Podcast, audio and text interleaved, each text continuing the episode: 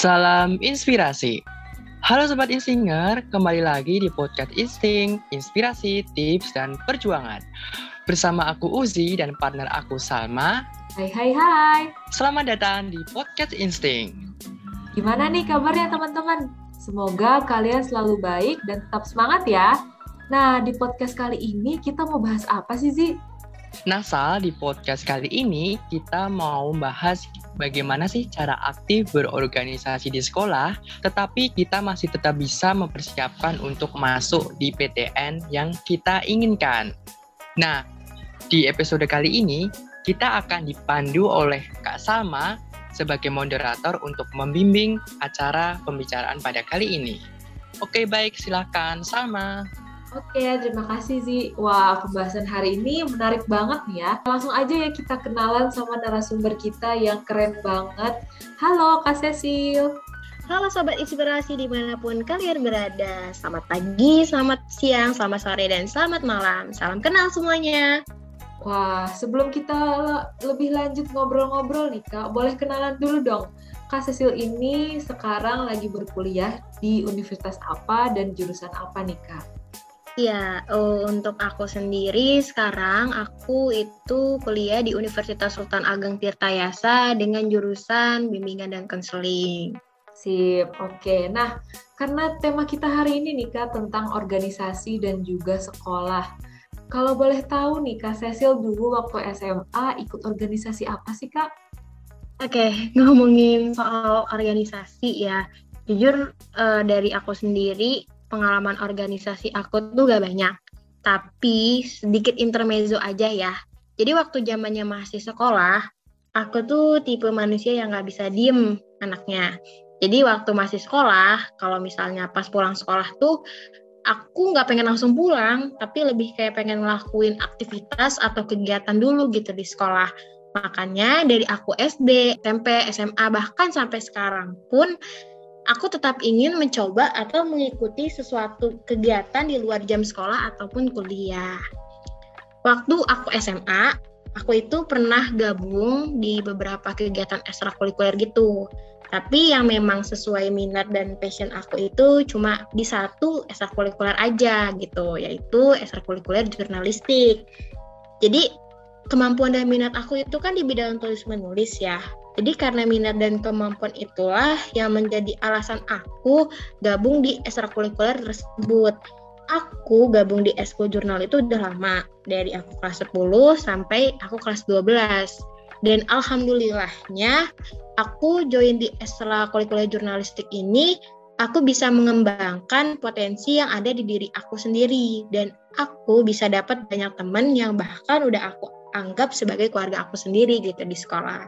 Wah, berarti dari dulu Kak Cecil emang anaknya nggak bisa diem ya Kak, jadi harus ikut uh, kegiatan tambahan atau kegiatan-kegiatan lain yang bisa uh, mengakomodasi nih ya berarti ya Kak. Dan kalau berdasarkan cerita Kak Cecil tadi nih kan Kak Cecil itu ikut organisasinya atau ekstrakurikulernya adalah jurnalistik ya Kak. Nah, uh, boleh diceritain nggak Kak ngapain aja sih kegiatannya di ekskul jurnalistik itu? Oke, okay. uh, aku di jurnalistik itu tentu sesuai dengan namanya, aku belajar tentang jurnal, jurnalis ya tentunya, kayak tentang dunia kepenulisan, di mana aku bisa menulis tentang cerpen, esai, dan artikel berita dan masih banyak lagi. Dan uh, waktu waktu zamannya aku masih di ekstrakurikuler jurnalistik uh, tentunya di angkatan aku itu masih cetak koran sekolah di mana kan cetak koran sekolah itu udah jarang banget ya dilakukan oleh sekolah-sekolah. Tapi alhamdulillah waktu saat itu ekstrakurikuler aku mampu uh, mencetak koran sekolah yang uh, notabene-nya benar-benar susahnya minta ampun. Karena itu dari awal proses uh, edit frame, terus cari berita, masuk beritanya itu dilakukan oleh anggota. Jadi luar biasa gitu susahnya. Tapi dari banyaknya pengalaman aku gitu selama di ekstrakurikuler jurnalistik ini yang menurut aku paling berkesan itu pas aku dipercaya dan diamanahi sebagai ketua umum ekstrakurikuler jurnalistik. Kayak apa ya kayak awalnya tuh aku ngerasa nggak pantas banget gitu jadi seorang leader. Bahkan sampai aku sendiri pun ingin nolak jabatan tersebut gitu. Tapi karena memang adanya supporting gitu dari anak eskul saat itu yang benar-benar ngeyakinin aku kalau aku tuh pasti bisa jadi seorang ketua. Alhasil karena dukungan dari support itu aku siap dan mau jadi ketua. Wah, keren banget nih Kak Cecil sampai dipercaya sama anggota-anggotanya buat jadi ketua. Nah, ngomong-ngomong tentang jadi ketua nih ya kak, pasti job desknya uh, rame banget nih ya kak. Mungkin uh, mengambil banyak waktu juga tentang sekolah gitu. Dan banyak juga yang berpendapat bahwa uh, ketika kita jadi ketua atau misalnya bahkan jadi anggota aja itu kan sibuk banget. Atau mungkin uh, justru menakutkan nih kak jatuhnya karena bisa mengambil banyak waktu main, waktu belajar. Nah kalau dari Kak Cecil sendiri nih, apa sih pendapat tentang organisasi? Sebenarnya pendapat aku tentang organisasi itu apa ya? Organisasi itu jadi tempat sih buat kita belajar, tempat untuk kita ngembangin potensi gitu yang ada di dalam diri kita sendiri. Dan yang pasti organisasi itu salah satu tempat di mana kita tuh bisa berproses, berproses di dalamnya. Kayak di organisasi itu kita bisa dapetin banyak hal. Bahkan dari banyaknya manfaat organisasi itu pasti ada sesuatu yang ngebuat kita ngerasa wah banget gitu atau ngerasa bangga banget sama diri kita sendiri. Pokoknya kalau misalnya kita ngikutin organisasi itu kayak kita tidak nemuin gitu di tempat lain gitu karena ya cuma ada di organisasi gitu. Tadi Kak Cecil uh, bilang ya Kak, kalau kita bisa dapetin sesuatu yang mungkin sebelumnya kita nggak nyangka gitu, kita uh, punya kemampuan tersebut cuma belum uh, muncul. Nah, kalau dari Kak Cecil sendiri apa nih Kak, sesuatu yang baru yang Kakak dapat dari uh, organisasi? Yang pasti uh, aku bisa bisa banyak belajar sih, terutama bisa mengenali diri aku sendiri. Karena kayak di organisasi itu kan kita ketemu banyak orang nih, ketemu dari uh, banyak orang-orang dari macam-macam kelas gitu. Dan tentunya dengan pribadi yang berbeda-beda. Jadi di sana aku bisa belajar gitu cara mengenali mereka, terus mengenali diri aku sendiri, terus cara membangun kerjasama sama mereka. Itu yang jadi pembelajaran terbesar buat aku gitu karena dari hal-hal tersebut bisa aku terapin gitu di kehidupan sehari-hari. Contohnya nih, di organisasi aku belajar kerjasama. Nah, di sekolah pun misal di kehidupan sekolah kayak di kelas, aku pun menerapkan hal sama. Kayak misalnya lagi kerja kelompok, aku bisa menerapkan kayak kerjasamanya itu kayak gimana ya kalau misalnya melibatkan banyak orang gitu. Jadi banyak banget sih hal-hal yang bisa aku dapetin dan aku petik hikmahnya dari organisasi gitu loh. Gak cuma dapet ilmu tulis menulis aja gitu yang tadi aku bilang, tapi kita juga bisa dapet hal-hal yang mungkin dari awal kita nggak expect kita bakal dapetin hal itu gitu. Wah, bener banget ya Kak. Berarti kita banyak banget uh, dapat hal-hal mungkin keterampilan hidup tentang kerjasama, kepemimpinan yang mungkin kalau kita nggak ikut organisasi, kita nggak bakal dapetin nih hal-hal kayak gitu. Nah, tadi kita udah cerita ya Kak tentang senang-senangnya, positif-positifnya dari mengikuti organisasi. Tapi kalau dari Kak Sisil sendiri, ada nggak sih Kak tantangan atau hambatan atau sesuatu yang berat gitu saat mengikuti organisasi?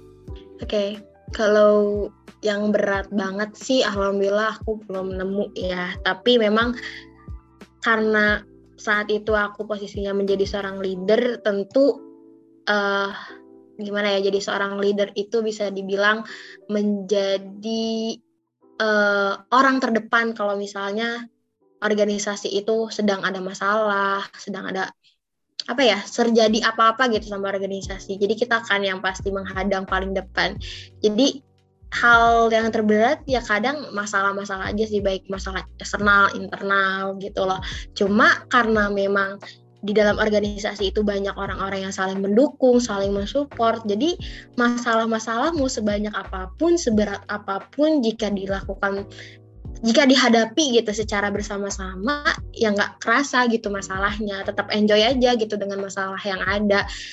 Dan bahkan gitu dari masalah-masalah itu tuh kita bisa jadi belajar gitu biar ke depannya jangan sampai masalah tersebut tuh bisa terulang kembali gitu loh di organisasi tersebut. Gitu sih. Siap, berarti ini ya Kak, kita jadi punya support system nih ya bahkan untuk menghadapi hambatan-hambatan yang kita rasakan selama mengikuti organisasi. Nah, uh, nyenggol-nyenggol dikit nih Kak, uh, bahasan yang tadi kan kita udah sempat cerita uh, organisasi itu mungkin mengambil banyak atau waktu-waktu uh, kita selama di sekolah. Nah, kalau dari Kak Cecil nih, gimana sih Kak cara ngatur waktu antara organisasi dengan belajar? Oke, okay. jujur kalau dari aku sendiri, aku tuh tipe orang yang gak terlalu pintar sih bagi-bagi waktu karena ada waktu zaman aku masih aktif gitu di SMA atau masih di organisasi, jujur ada susah juga sih ngatur waktu karena kadang ya gitu ngerasa kayak aduh suka mepet gitu ada aja jadwal-jadwal yang bikin kita ngerasa udahlah pengen yang ini aja nggak mau yang itu gitu tapi uh, kalau dari aku sendiri cara ngatur waktunya pasti di jadwal ya ngebuat kayak mungkin poin-poin penting notes gitu kayak yang bersifat memperingatkan kita kalau misalnya ada sesuatu yang agenda atau kegiatan yang lagi atau ingin dilaksanakan gitu. Terus kalau bisa jangan menunda-nunda sesuatu. Nah, ini nih yang sering banget nih mungkin sobat inspirasi di luar sana yang masih menunda-nunda tugas ya. Aku sendiri pun masih ya menunda tugas selama di kuliah. Tapi sebisa mungkin uh, kalau misalnya kita lagi organisasi itu uh, sebisa mungkin belajar untuk nggak menunda-nunda tugas. Karena semakin ditunda semakin berat kalau menurut aku. Jadi dicicil aja. Nggak usah langsung selesai di hari itu juga tapi dicicil. Yang penting selesai gitu. Jangan sampai karena banyaknya tugas membuat kita kayak oh udah ah tugasnya banyak jadi mau berhenti aja dari organisasi. Nah itu pemikiran yang salah. Jadi intinya uh, balik lagi ke niat awal kita untuk apa sih kita organisasi? Untuk apa kita uh, alasan kita masuk organisasi itu karena apa? Kalau misalnya alasan kita organisasi cuma karena pengen just cuma dapet teman atau pengen uh, famous atau segala macam yang nggak ada nggak kerasa manfaatnya gitu di dalam diri kita aja Wah, ini jadi tamparan juga ya buat aku pribadi karena memang menunda-nunda pekerjaan itu uh, nikmat sekali ya. Maksudnya, ah masih masih lama nih ceritanya, deadline-nya nanti aja deh gitu. Tapi malahan uh, akan jadi lebih berat ya Kak Cecil kalau ditunda-tunda. Nah, teman-teman jangan lupa ya, itu diingat tuh saran dari Kak Cecil jangan menunda-nunda pekerjaan. Nah lanjut nih ya Kak, Kak Cecil kan uh, masuk PTN lewat jalur SBMPTN ya Kak, yang terkenal butuh waktu belajar yang banyak banget. Nah gimana sih Kak uh, ceritanya nih saat menyiapkan SBM plus jadi uh, ketua organisasi?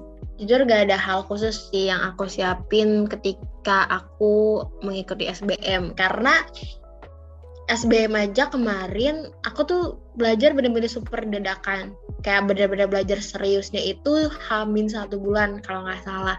Kayak ketika temennya yang lain udah ngambis gitu kan udah uh, beli buku try out segala macem aku tuh anaknya masih santai banget gitu loh. Kayak yang kan orang-orang mah udah udah panik banget nih udah panik-panik sendiri. Aduh gimana ya masuk PTN apalagi uh, jalur SBM gitu kan. Pasti bersaing dengan banyaknya siswa-siswi di Indonesia gitu. Aku masih masih santai aja gitu, masih uh, atau kalau nggak salah atau pas itu masih uh, ngurusin organisasi juga gitu. Tapi karena ya enjoy aja gitu ya belajar, aku tinggal belajar gitu loh. Kayak dibawa senang-senang aja sih jadi nggak terlalu maksudnya ngambis tapi tetap dibawa enjoy aja jadi ketika kita belajar kemarin buat SBM tuh kayak ngerasa ya udah kita belajar gak ada hal-hal berat yang gimana gimana gitu udah ya ya alhamdulillah walaupun konsepnya dadakan gitu karena memang sudah rezeki ya alhamdulillah lolos gitu di SBM Wah, keren banget nih Kak Cecil. Berarti intinya niat ya Kak, dan dibawa santai. Jangan jangan malah jadi stres, nanti malah burnout dan jadi nggak semangat deh belajar buat iya, ngejar PTN-nya. Oke, nah karena udah uh, lumayan ya Kak, kita udah uh, ngobrol-ngobrol cukup lama. Sebelum kita tutup nih Kak, ada nggak saran atau harapan nih buat teman-teman instinger yang mungkin saat ini juga sedang mengikuti organisasi tapi pengen juga ngambis uh, dapat PTN. Boleh nih Kak?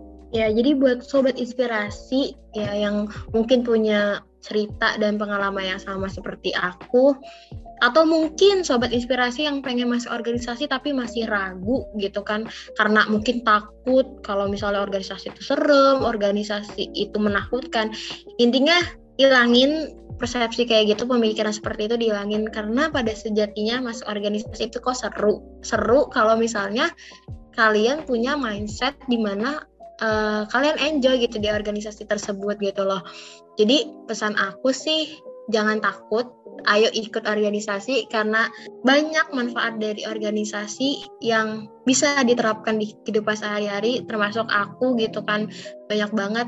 Kayak aku juga dari awal gitu aku nggak mau ikut organisasi. Tapi karena memang aku orang yang nggak mau diem gitu kan nggak bisa gitu kalau di rumah aja. Jadi karena ada rasa itu ya udahlah ikut organisasi. Eh makin lama makin candu, gitu ikut organisasi.